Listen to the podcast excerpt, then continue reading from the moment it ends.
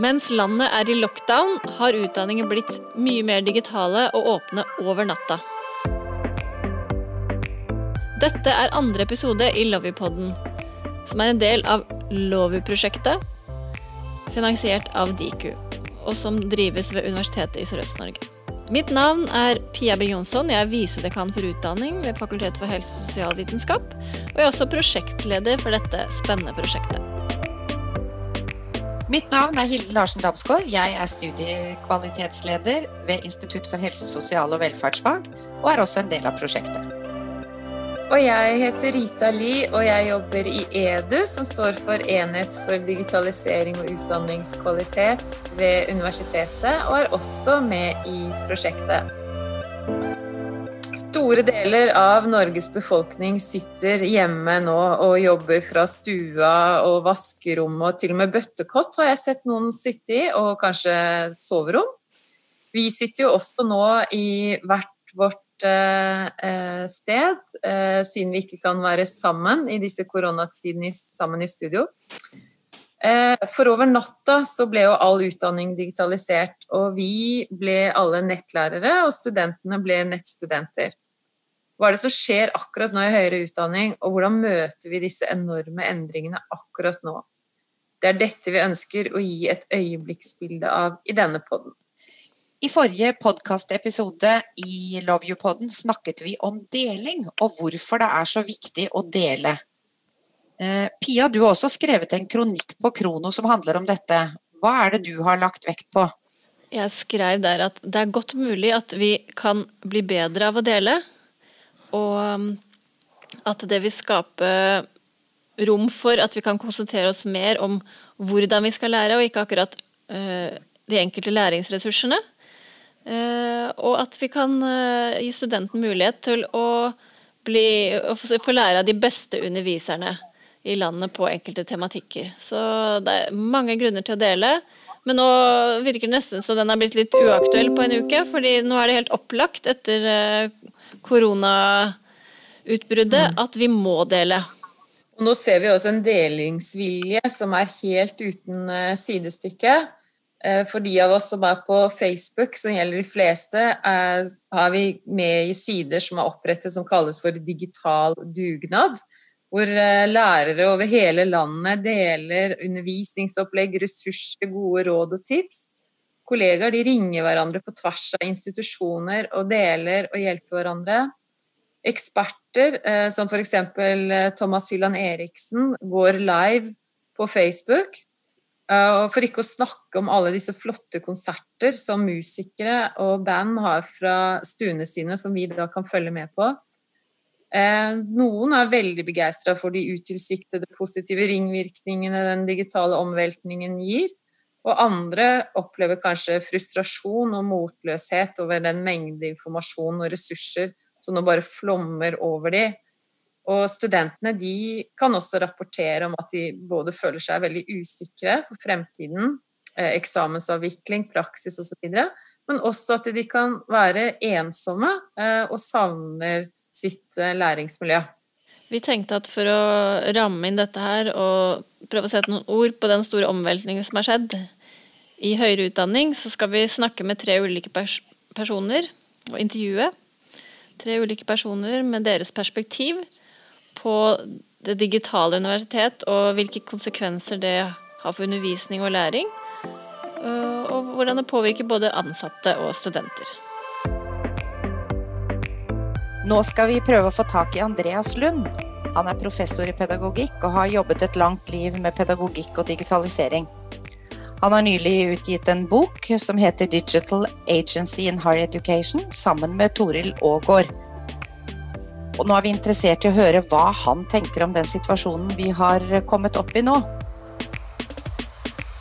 Hei, Andreas. Nå er du med i en samtale mm, i en podkast som Rita, Pia og jeg, Hilde, lager. Og vi vet jo at du har jobba mye og lenge med digitalisering. Så det vi lurer på, det er hva tenker du egentlig om den eh, digitaliseringen som foregår nå? Hva det som har skjedd over natta i høyere utdanning? Ja, først og fremst tusen takk for invitasjonen. Dette er jo spennende og utfordrende på mange måter. Og hva jeg tenker, det er så mangt, men jeg tenker for å begynne i å si, eh, konsekvensene, det er jo at vi kommer nå til i løpet av to måneder å få en utvikling som vi ellers ville brukt eh, ti-tolv år på i sektoren. Og Det handler jo om at digitalisering ikke bare er å legge infrastruktur til rette, men det handler om hvordan vi rett og slett omgås deler, kritiserer, utvikler i fellesskap kunnskap eh, som eh, rett og slett er en kvalitetsindikator eh, i vår sektor. Så Sånn sett er det jo både spennende, men samtidig svært hva skal vi si, edrueliggjørende i en situasjon som det vi har. Ja, Det er jo egentlig veldig spennende, fordi at du kom jo nylig ut med en bok som heter 'Digital Agency in Higher Education', sammen med Toril Aagaard. Mm. Og en av de tingene som er eh, trukket ut som en sånn highlight uh, highlighta i forskning.no, det er utsagnet at jo mer digital teknologi, jo viktigere blir læreren. Kan du utdype det? Jeg kan prøve det, fordi eh, teknologien den eh, dyttes jo, eller har vært dyttes på oss av veldig sterke kommersielle interesser. Og Det fører jo til at vi får veldig gode teknologiske løsninger, veldig god infrastruktur. Men pussig nok så har aktivitetene våre, eh, praksisene våre, stått ganske stille. Det er ganske hva skal vi si, eh, Hvis du ser på eksamensformer, så har det ikke skjedd så veldig mye med de. Er, eh, de foregår som før, det er bare at de legges eh, digitalt. Men med selve formen så skjer det ingenting. Det vi nå ser, og dette kommer vi aldri til å kunne reversere, det er jo at vi omgås digitalt med nettverksteknologier som knytter sammen hodene våre, hendene våre, eh, hjertene våre kanskje. Det er snakk om emosjoner som vi ikke vet så mye om, så psykologene vil jo virkelig ha en, eh, eh, et smørgåsbord her. Og vi kommer i kontakt med ressurser uendelig. Slik at teknologiene de opphever jo skillet mellom aktører og skal vi si, ehm, eh, kontekster eh, mellom tenkning og de betingelsene for tenkning som eksisterer rundt oss. Det er veldig store endringer, og det er det vi kunne kalle en type epistemologi. Altså hvordan kommer vi til kunnskap i vår tid? Mm. Det skjer jo nærmest en pedagogisk revolusjon her. fordi at nå må vi jo i tillegg til å tenke ressurser, så må vi være opptatt av hvordan studentene skal bruke dem. Så det er vel kanskje det også, da, at fordi eh, det ikke bare lenger nå er snakk om ressursene, men studentenes læring blir i fokus på en annen måte. Tror du at den eh, forandringen som skjer nå, gjør at vi blir mer bevisst på hvordan det vi har av ressurser og bruker av ressurser, virker for studentene? Det ser vi eksempler på hver dag. Altså, det er et utall av ressurser som gjøres tilgjengelig. Og det er et utall fora hvor eh, lærere på alle nivåer utveksler erfaringer. Og vi har jo allerede sett hvordan dette vokser kumulativt. altså Vi sitter etter hvert på en kunnskapsbase som er helt ny. Eh, foreløpig så er jo dette skal si, bare oppsamlet. Det blir jo fantastisk spennende å kunne forske i dette materialet for å kunne se endringer som skjer så raskt med så store konsekvenser. Så jeg pleier å si at eh, Hvis jeg bare fjerner meg litt fra den forferdelig alvorlige situasjonen, så er det forskeren i meg som nærmest får spyttsekresjon ved tanke på hva vi nå kan eh, finne av interessante problemstillinger. Ja, Det er veldig interessant å følge med dette her for oss også fordi at jeg registrerer at veldig mange av kollegaene mine nå har mye mer fokus på hvordan vi må legge til rette for at studentene skal kunne lære. Og den diskusjonen syns jeg er den er sterkere til stede i den digitaliseringen vi ser nå, enn, enn vi har hatt i fellesskap oss imellom tidligere. Så det kan jo hende at det da skjer en sånn type forflytning.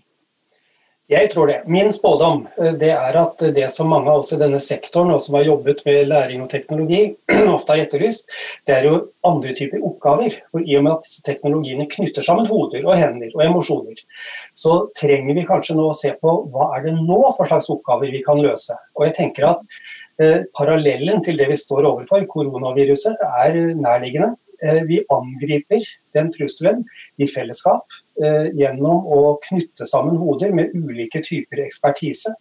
Vi deler det vi kommer fram til, vi diskuterer det, og vi akkumulerer det i arkiver, slik at vi kan bruke det for oss å komme videre. Den modellen tror jeg er egentlig typisk for det 21. århundrets kunnskapsarbeid. Vi trenger oppgaver der vi står overfor um, problemstillinger hvor det ikke finnes klare svar. Det er ulike scenarioer, alternativer, og vi ser hvilke løsninger ser ut til å kunne være eh, relevante, og hvilke må vi forkaste. Og hva innebærer det når vi velger det ene og ikke det andre. Den typen oppgaver tvinger seg fram, og vi kan løse de når vi har teknologi som knytter oss sammen. Men det betyr jo at det er ikke så galt at det ikke er godt for noe. Her, her skjer det noe som vi veldig gjerne skulle vært foruten. Men det åpner noen nye muligheter for oss som eh, ansatte i høyere utdanning. Men er det noe du tenker at vi skal være spesielt forsiktige med eller passe på i disse tider hvor ting forandrer seg så fort? Ja, det er det. det er, for det første så har du helt rett i at hvis vi distanserer oss og på en måte betrakter dette med kjølig distanse, så er det fantastiske muligheter. Aldri så galt så godt som noe, for noe, som du sier. Det vi nok skal være veldig oppmerksom på, det er jo at med en gang vi får noen muligheter, så er det kanskje noe som går tapt. Fordi det å være sammen, sånn samlokalisert, har opplagt store eh, fordeler. Og det mister vi. Og det vil si at noen reguleringsmekanismer forsvinner. Og da kan det i verste fall være fritt fram av det vi ser i kommentarfelt, meninger, eh, mobbing, løper løpsk. De er ikke kvalitetssikra. Eh, hvem som helst kan påberope seg å ha lest et eller annet som det gjøres gyldig, og personkarakteristikker hagler. Eh, digital mobbing er i og for seg kjent, men eh, nå kan det i grunnen også få fritt utløp på en annen måte. Og det er her vi knytter sammen emosjoner og ikke bare hoder og hender. Dette skal vi være veldig oppmerksom på. Og Det må jo også bety da at lærerne må være tett på Altså selv om studentene kan lære på en annen måte, og vi legger til rette for andre læringsomgivelser, egentlig, så må vi fortsatt være tett på for å følge opp læringsprosessen og sikre at vi hindrer, i den grad vi kan det, da, det du snakker om som farer. Og Det er nettopp her lærerne blir viktigere enn noensinne. Altså, vi kan ha så mye infrastruktur og så mye sofistikert uh, mykvare vi, og applikasjoner vi kan tenke oss, men det er når vi omgås med så kraftige teknologier, hvordan er det vi bærer oss ad? Fordi vi blir jo også bemyndiget. Vi får kraftige uh, applikasjoner i, i, hendene, og hvordan bruker vi det. Her får lærerne en type blandingsansvar. De skal være faglige på høyden, de skal kunne rettlede oss i en informasjonsjungel, men jammen skal de kunne regulere omgangsformer i dette nye universet. Det er veldig krevende, og her har vi relativt sett eh, mye eh, svakere kunnskapsbase. Du, helt til slutt nå har du en, eh, en, oppmuntring til de lærerne som nå sitter ute og klør seg litt i hodet og syns at nå blir det litt i meste laget, nå går det litt for fort. Det gjør det sikkert. Samtidig så ser jeg nå hvordan læreren smelter sammen med kunstneren. Og det er ikke engang anførselstegn rundt kunstneren. Eh, det skjer i form av at lærere i økende grad nå blir designere. De setter sammen læringssituasjoner, ressurser, læringsforløp de må kanskje tenke vurdering på nye måter. De blir altså satt i situasjoner hvor de kan få kreativiteten, eh, den kan få fullt utløp. Og det tror jeg lærere har savnet. De har vært altfor mye eh, hva skal vi si, altså de har vært alt for mye byråkrater, vært satt til å rapportere. Nå kan de skape på en helt annen måte. Det tror jeg de rett og slett syns er fantastisk morsomt. Eh, selv om omgivelsene eh, maner til edruelighet. Tusen takk skal du ha for at du tok deg tid til å prate med oss.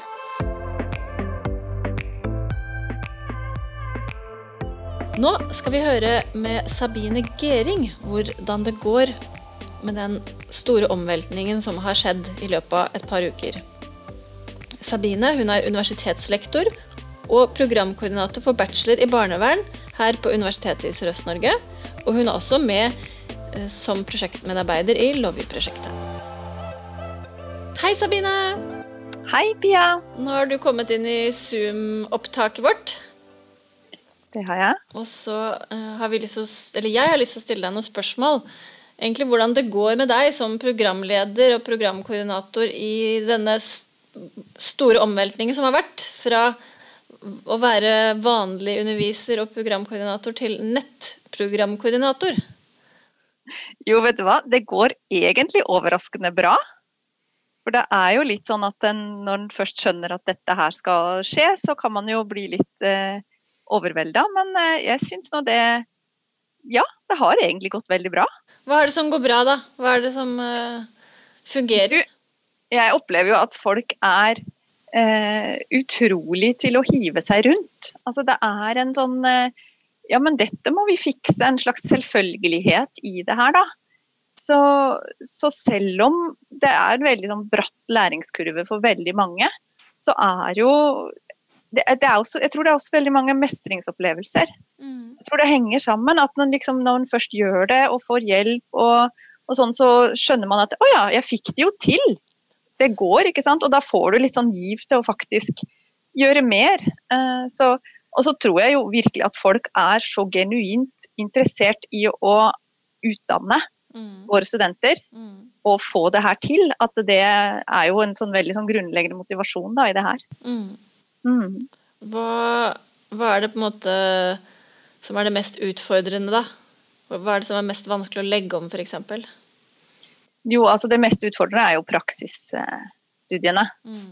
Eh, og det tror jeg kanskje heller ikke at vi får eh, Eller jeg er jo ganske overbevist om da, at det er noen ferdighetslubber, læringsutbytter, Mm. som man må gjøre Ja. for å lære, eh, og som man ikke kan digitalisere. Så det er klart. Eh, der må vi finne løsninger, sånn at man faktisk kan ta det igjen. Eh, Men ellers så tror jeg at det, det er mange ting vi kan gjøre på nett, og det er mange måter vi kan møtes på på nett og samarbeide. Mm. Men det er de der kroppslige, praktiske tingene, det du må liksom kjenne på egen kropp, og kanskje sammen med andre, med andres kropper, Mm. som selvfølgelig er, eh, er vanskelig når vi gjør det digitalt. Ja. Mm. Hvordan går det med studentene? Jeg tror det er veldig forskjellig. Ja. Eh, De har veldig forskjellige hverdager. Eh, Vi har studenter som er i jobb og har mange barn som de har hjemme, og, og har veldig mye å sjonglere. Og så har vi andre studenter som kanskje har liksom nesten det omvendte problemet, at nå har det plutselig blitt ensomt. Eh, De sitter kanskje alene i en leilighet eller en hybel eh, og, og mangler kontakt. Eh, Og har litt lite kanskje å faktisk eh, å finne på. Mm. Så, så jeg tror at det, hverdagen for studentene er veldig, veldig variert og veldig forskjellig. Yeah. Mm. Og det er jo viktig for oss å huske på. Vi har jo snakka mye om det med hvordan kan vi gjøre det bra for dem nå når det er digitalt. Eh, Så vi har vel endt opp med en slags kombinasjon da, mellom det å ha sånn asynkron undervisning med videoforelesninger som vi legger ut på forhånd, og oppgaver som vi gir som de kan se og jobbe med når det passer dem. Mm. Og at vi likevel har noen samlinger da, hvor vi får de eh, sammen. Hvor vi har, en, eh, hvor vi har eh, enten hele klassen på Zoom, eller om de har grupper som de jobber med. Da. Mm. Helt til slutt, eh, tror du, selv om det er en veldig alvorlig situasjon vi er oppe i, tror du for vår del i høyere utdanning at dette kan komme noe positivt ut av? Og i så fall hva? Jo, jeg tror jo absolutt det. Altså, jeg tror at det finnes ikke noen mer effektiv måte å få folk til å sette seg inn i digitale verktøy enn det her. er. Det er jo helt klart. Eh, og jeg tror også at det er eh, At man kanskje lærer at det ikke er så farlig. Hvis du bare må, så gjør du det, og så ser du og så tenker du ja ja, men, men det fikk jeg jo til. At du har de derre Jo, det går faktisk. Mm. Eh, så jeg tror jo at det er en Sånn sett så kan man jo se det positive i det.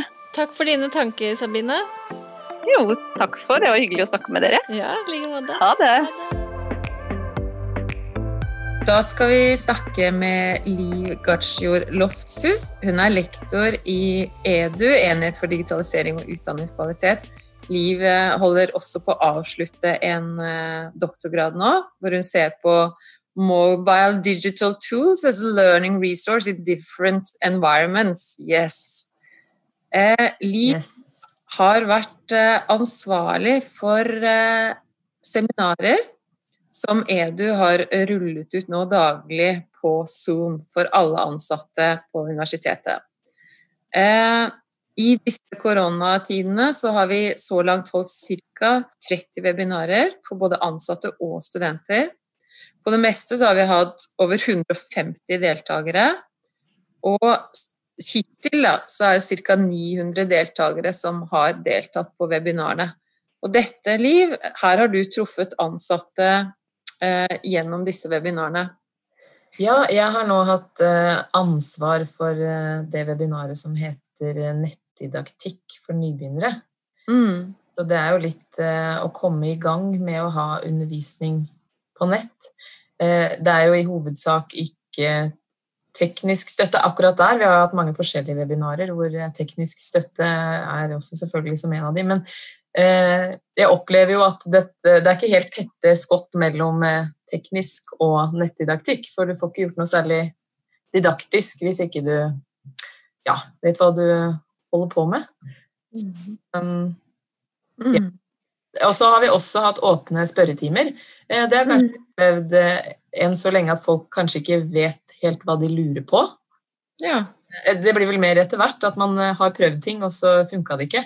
Men sånn de første møtene så vet man vel ikke hva man lurer på.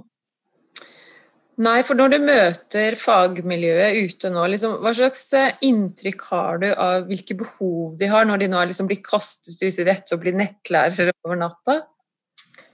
Jeg tenker jo at, For det, vi har jo veldig mye, veldig mye gode ressurser uh, liggende, men jeg tror også folk trenger veldig sånn uh, støtte. Å vite at vi er der, uh, mm. og også få komme og prøve litt ting. Se, hvis du trykker på den nå, hva, hva skjer da? Og det mm. tenker jeg også er eh, nyttig når vi har vært i de møtene, at vi kanskje har sett ting som ikke har fungert også. Eh, at det er en eh, trygghet i det å se at man får retta det opp uansett. Mm. Tror jeg også det er godt å bli trygga på det at du trenger ikke å være verdens beste nettleser på første forelesning. Mm. Det er sjøl litt grann slack. Mm. Som situasjonen er som den er, så tror jeg studenter og alle har liksom litt Ja, gir, åpner litt for det. Sånn er det nå. Og så tror jeg også at mange roer litt ned på at ja, gi beskjeder, men det å gi beskjed om at beskjed kommer, er også Det er informasjon, det også. Og det at det kan Du kan godt bruke første møte med studentene til å Nå prøver vi, dere. Så ser vi hvordan dette fungerer. Så jeg tror mye sånn Selvfølgelig å få hjelp til hvordan det skal gjøres, men også liksom trygges i at, at det er greit å prøve litt. Mm. Er de liksom, eh, virker det som det er de folk litt sånn stressa og tror at de må bli fantastiske nettlærere? Er det liksom det de går inn i dette med nå? Jeg syns jeg opplever at det er mange som uh, eh, syns det er godt å høre at de ikke trenger å bli det, i hvert fall. Ja. Eh, alle er vel liksom ja, enige om at uh, selvfølgelig prøver man og, og, feiler, men dette her kommer jo så veldig brått på, da. Mm. Um, men, men i allikevel ja, så syns jeg opplever at folk eh, Ja ja, nå må vi, og da skal det vel gå. At ja. kanskje innstillingen har endra seg eh, veldig. For nå, det nytter ikke nå å si nei, det, dette er ikke noe for meg. Nå må du på en måte bare være med. Og så tror jeg Jeg syns jeg har opplevd at mange er sånn Oi, ja, men det her går jo bedre. Mm. Mm. Hva tror du eh, blir fokuset for sånn støtte og veiledning fremover nå, nå som vi liksom går inn i andre uke og Nå tenker jeg vel at det kommer mer og mer det med hva skal vi gjøre inne i disse nettklasserommene? Hvordan skal vi drive god undervisning der inne? Eh, og ja, nå sa jeg at jeg har da møtt folk og hatt webinarer om eh, nettdidaktikk for nybegynnere, men jeg tror didaktikken kommer mer og mer. at enn så lenge Eller nå er det å ha få ja, hodet litt over vann, og så kan man tenke seg ok, metoder for å gjøre dette her. Hva er lurt for å få bedre studentaktiv læring, og kanskje også etter hvert det med å lage asynkrone ressurser. Hvordan kan jeg gjøre det? Hvordan kan jeg lage gode ressurser? Det tror jeg kommer mer og mer eh, nå. Liv, dette har vært veldig hyggelig å snakke med deg. I like måte, Rita. Nå må du ha lykke til framover eh, med disse webinarene og all den viktige støtten som eh, fagmiljøet nå får, så lykke til. Takk. Ha det bra. Ha det bra. Ja, Rita Helde, det var eh, tre spennende samtaler som vi hadde med Andreas og Sabine og Liv. Eh, hvor de ga oss gode refleksjoner på dagens eh, situasjon i høyere utdanning. Hvordan vi kan tenke rundt det, hvordan eh, folk agerer nå, men også hvilke positive ringvirkninger det kan ha for uh, framtiden. Men hva vi også skal passe litt på. Så jeg lurer på, Hilde, fikk du noen tanker som du har lyst til å dele med oss når du hørte på disse samtalene? Ja, jeg, syns, jeg syns jo det at de på ulike måter egentlig snakker om det og altså hva det vil si å være lærer, da. Eh, Andreas sier jo noe om at i disse digitale tider så blir læreren viktigere enn noen gang. fordi at undervisningen er jo, undervisning handler jo ikke bare om hva vi skal gjøre, men hvordan vi skal gjøre det, og hvorfor gjør vi det vi gjør. Altså rett og slett prøve å lage gode læringsomgivelser for studentene. og Det, det syns jeg alle tre egentlig er innom på ulike måter. Mm. Og det er spennende at det er et fokus, så ikke det bare blir fokus på de digitale ressursene. Mm. mm. De digitale ressursene er jo, som vi snakket om, altså det, det, det flommer jo over av denne digitale delingsdugnaden. Eh, så læringens innhold, altså hva, er, er veldig godt dekt. Eh, så det som jeg tenker blir noe av liksom jobben vår fremover, det blir å oversette disse ressursene inn i eh, vår kontekst. Og da blir det jo enda viktigere enn før å være lærer forstått som å ta ansvar for å finne ut hvordan læring skal finne sted, og ikke bare hva studentene skal lære. Så det syns jeg er veldig spennende. Og egentlig er det sånn at vi var inne på i intervjuet med, med Andreas at det kanskje kan sies å være en slags pedagogisk revolusjon. Altså vi deler nå, vi er mye mer kreative, vi må være det. Og vi mm. finner faktisk nye løsninger, og kanskje er vi ikke så redde for å prøve heller, fordi når det må skje fort, så kan vi ikke være så opptatt av at det skal være helt 100% korrekt og perfekt. Mm. Og så setter vi kanskje læringsmiljøet på dagsorden på en annen måte. Altså vi spør oss hva skal nå til for at studentene skal kunne lære på en god måte. Og det er egentlig kanskje begynnelsen på en, en litt annen kultur. Mm. Kanskje får vi den delingskulturen vi har bedt om. Dette blir spennende, tror jeg. Så takk for uh, hyggelig samtale oss imellom uh, denne Eh, dagen hvor vi må holde oss adskilt, men kan se hverandre og høre hverandre, i hvert fall. Det, I det digitale rom. Og vet du hva, Hilde og Pia, jeg gleder meg skikkelig til jeg kan gi dere en ordentlig god klem. Det blir så hyggelig. Ja. Men inntil da, ha det fint alle sammen. Vi lyttes.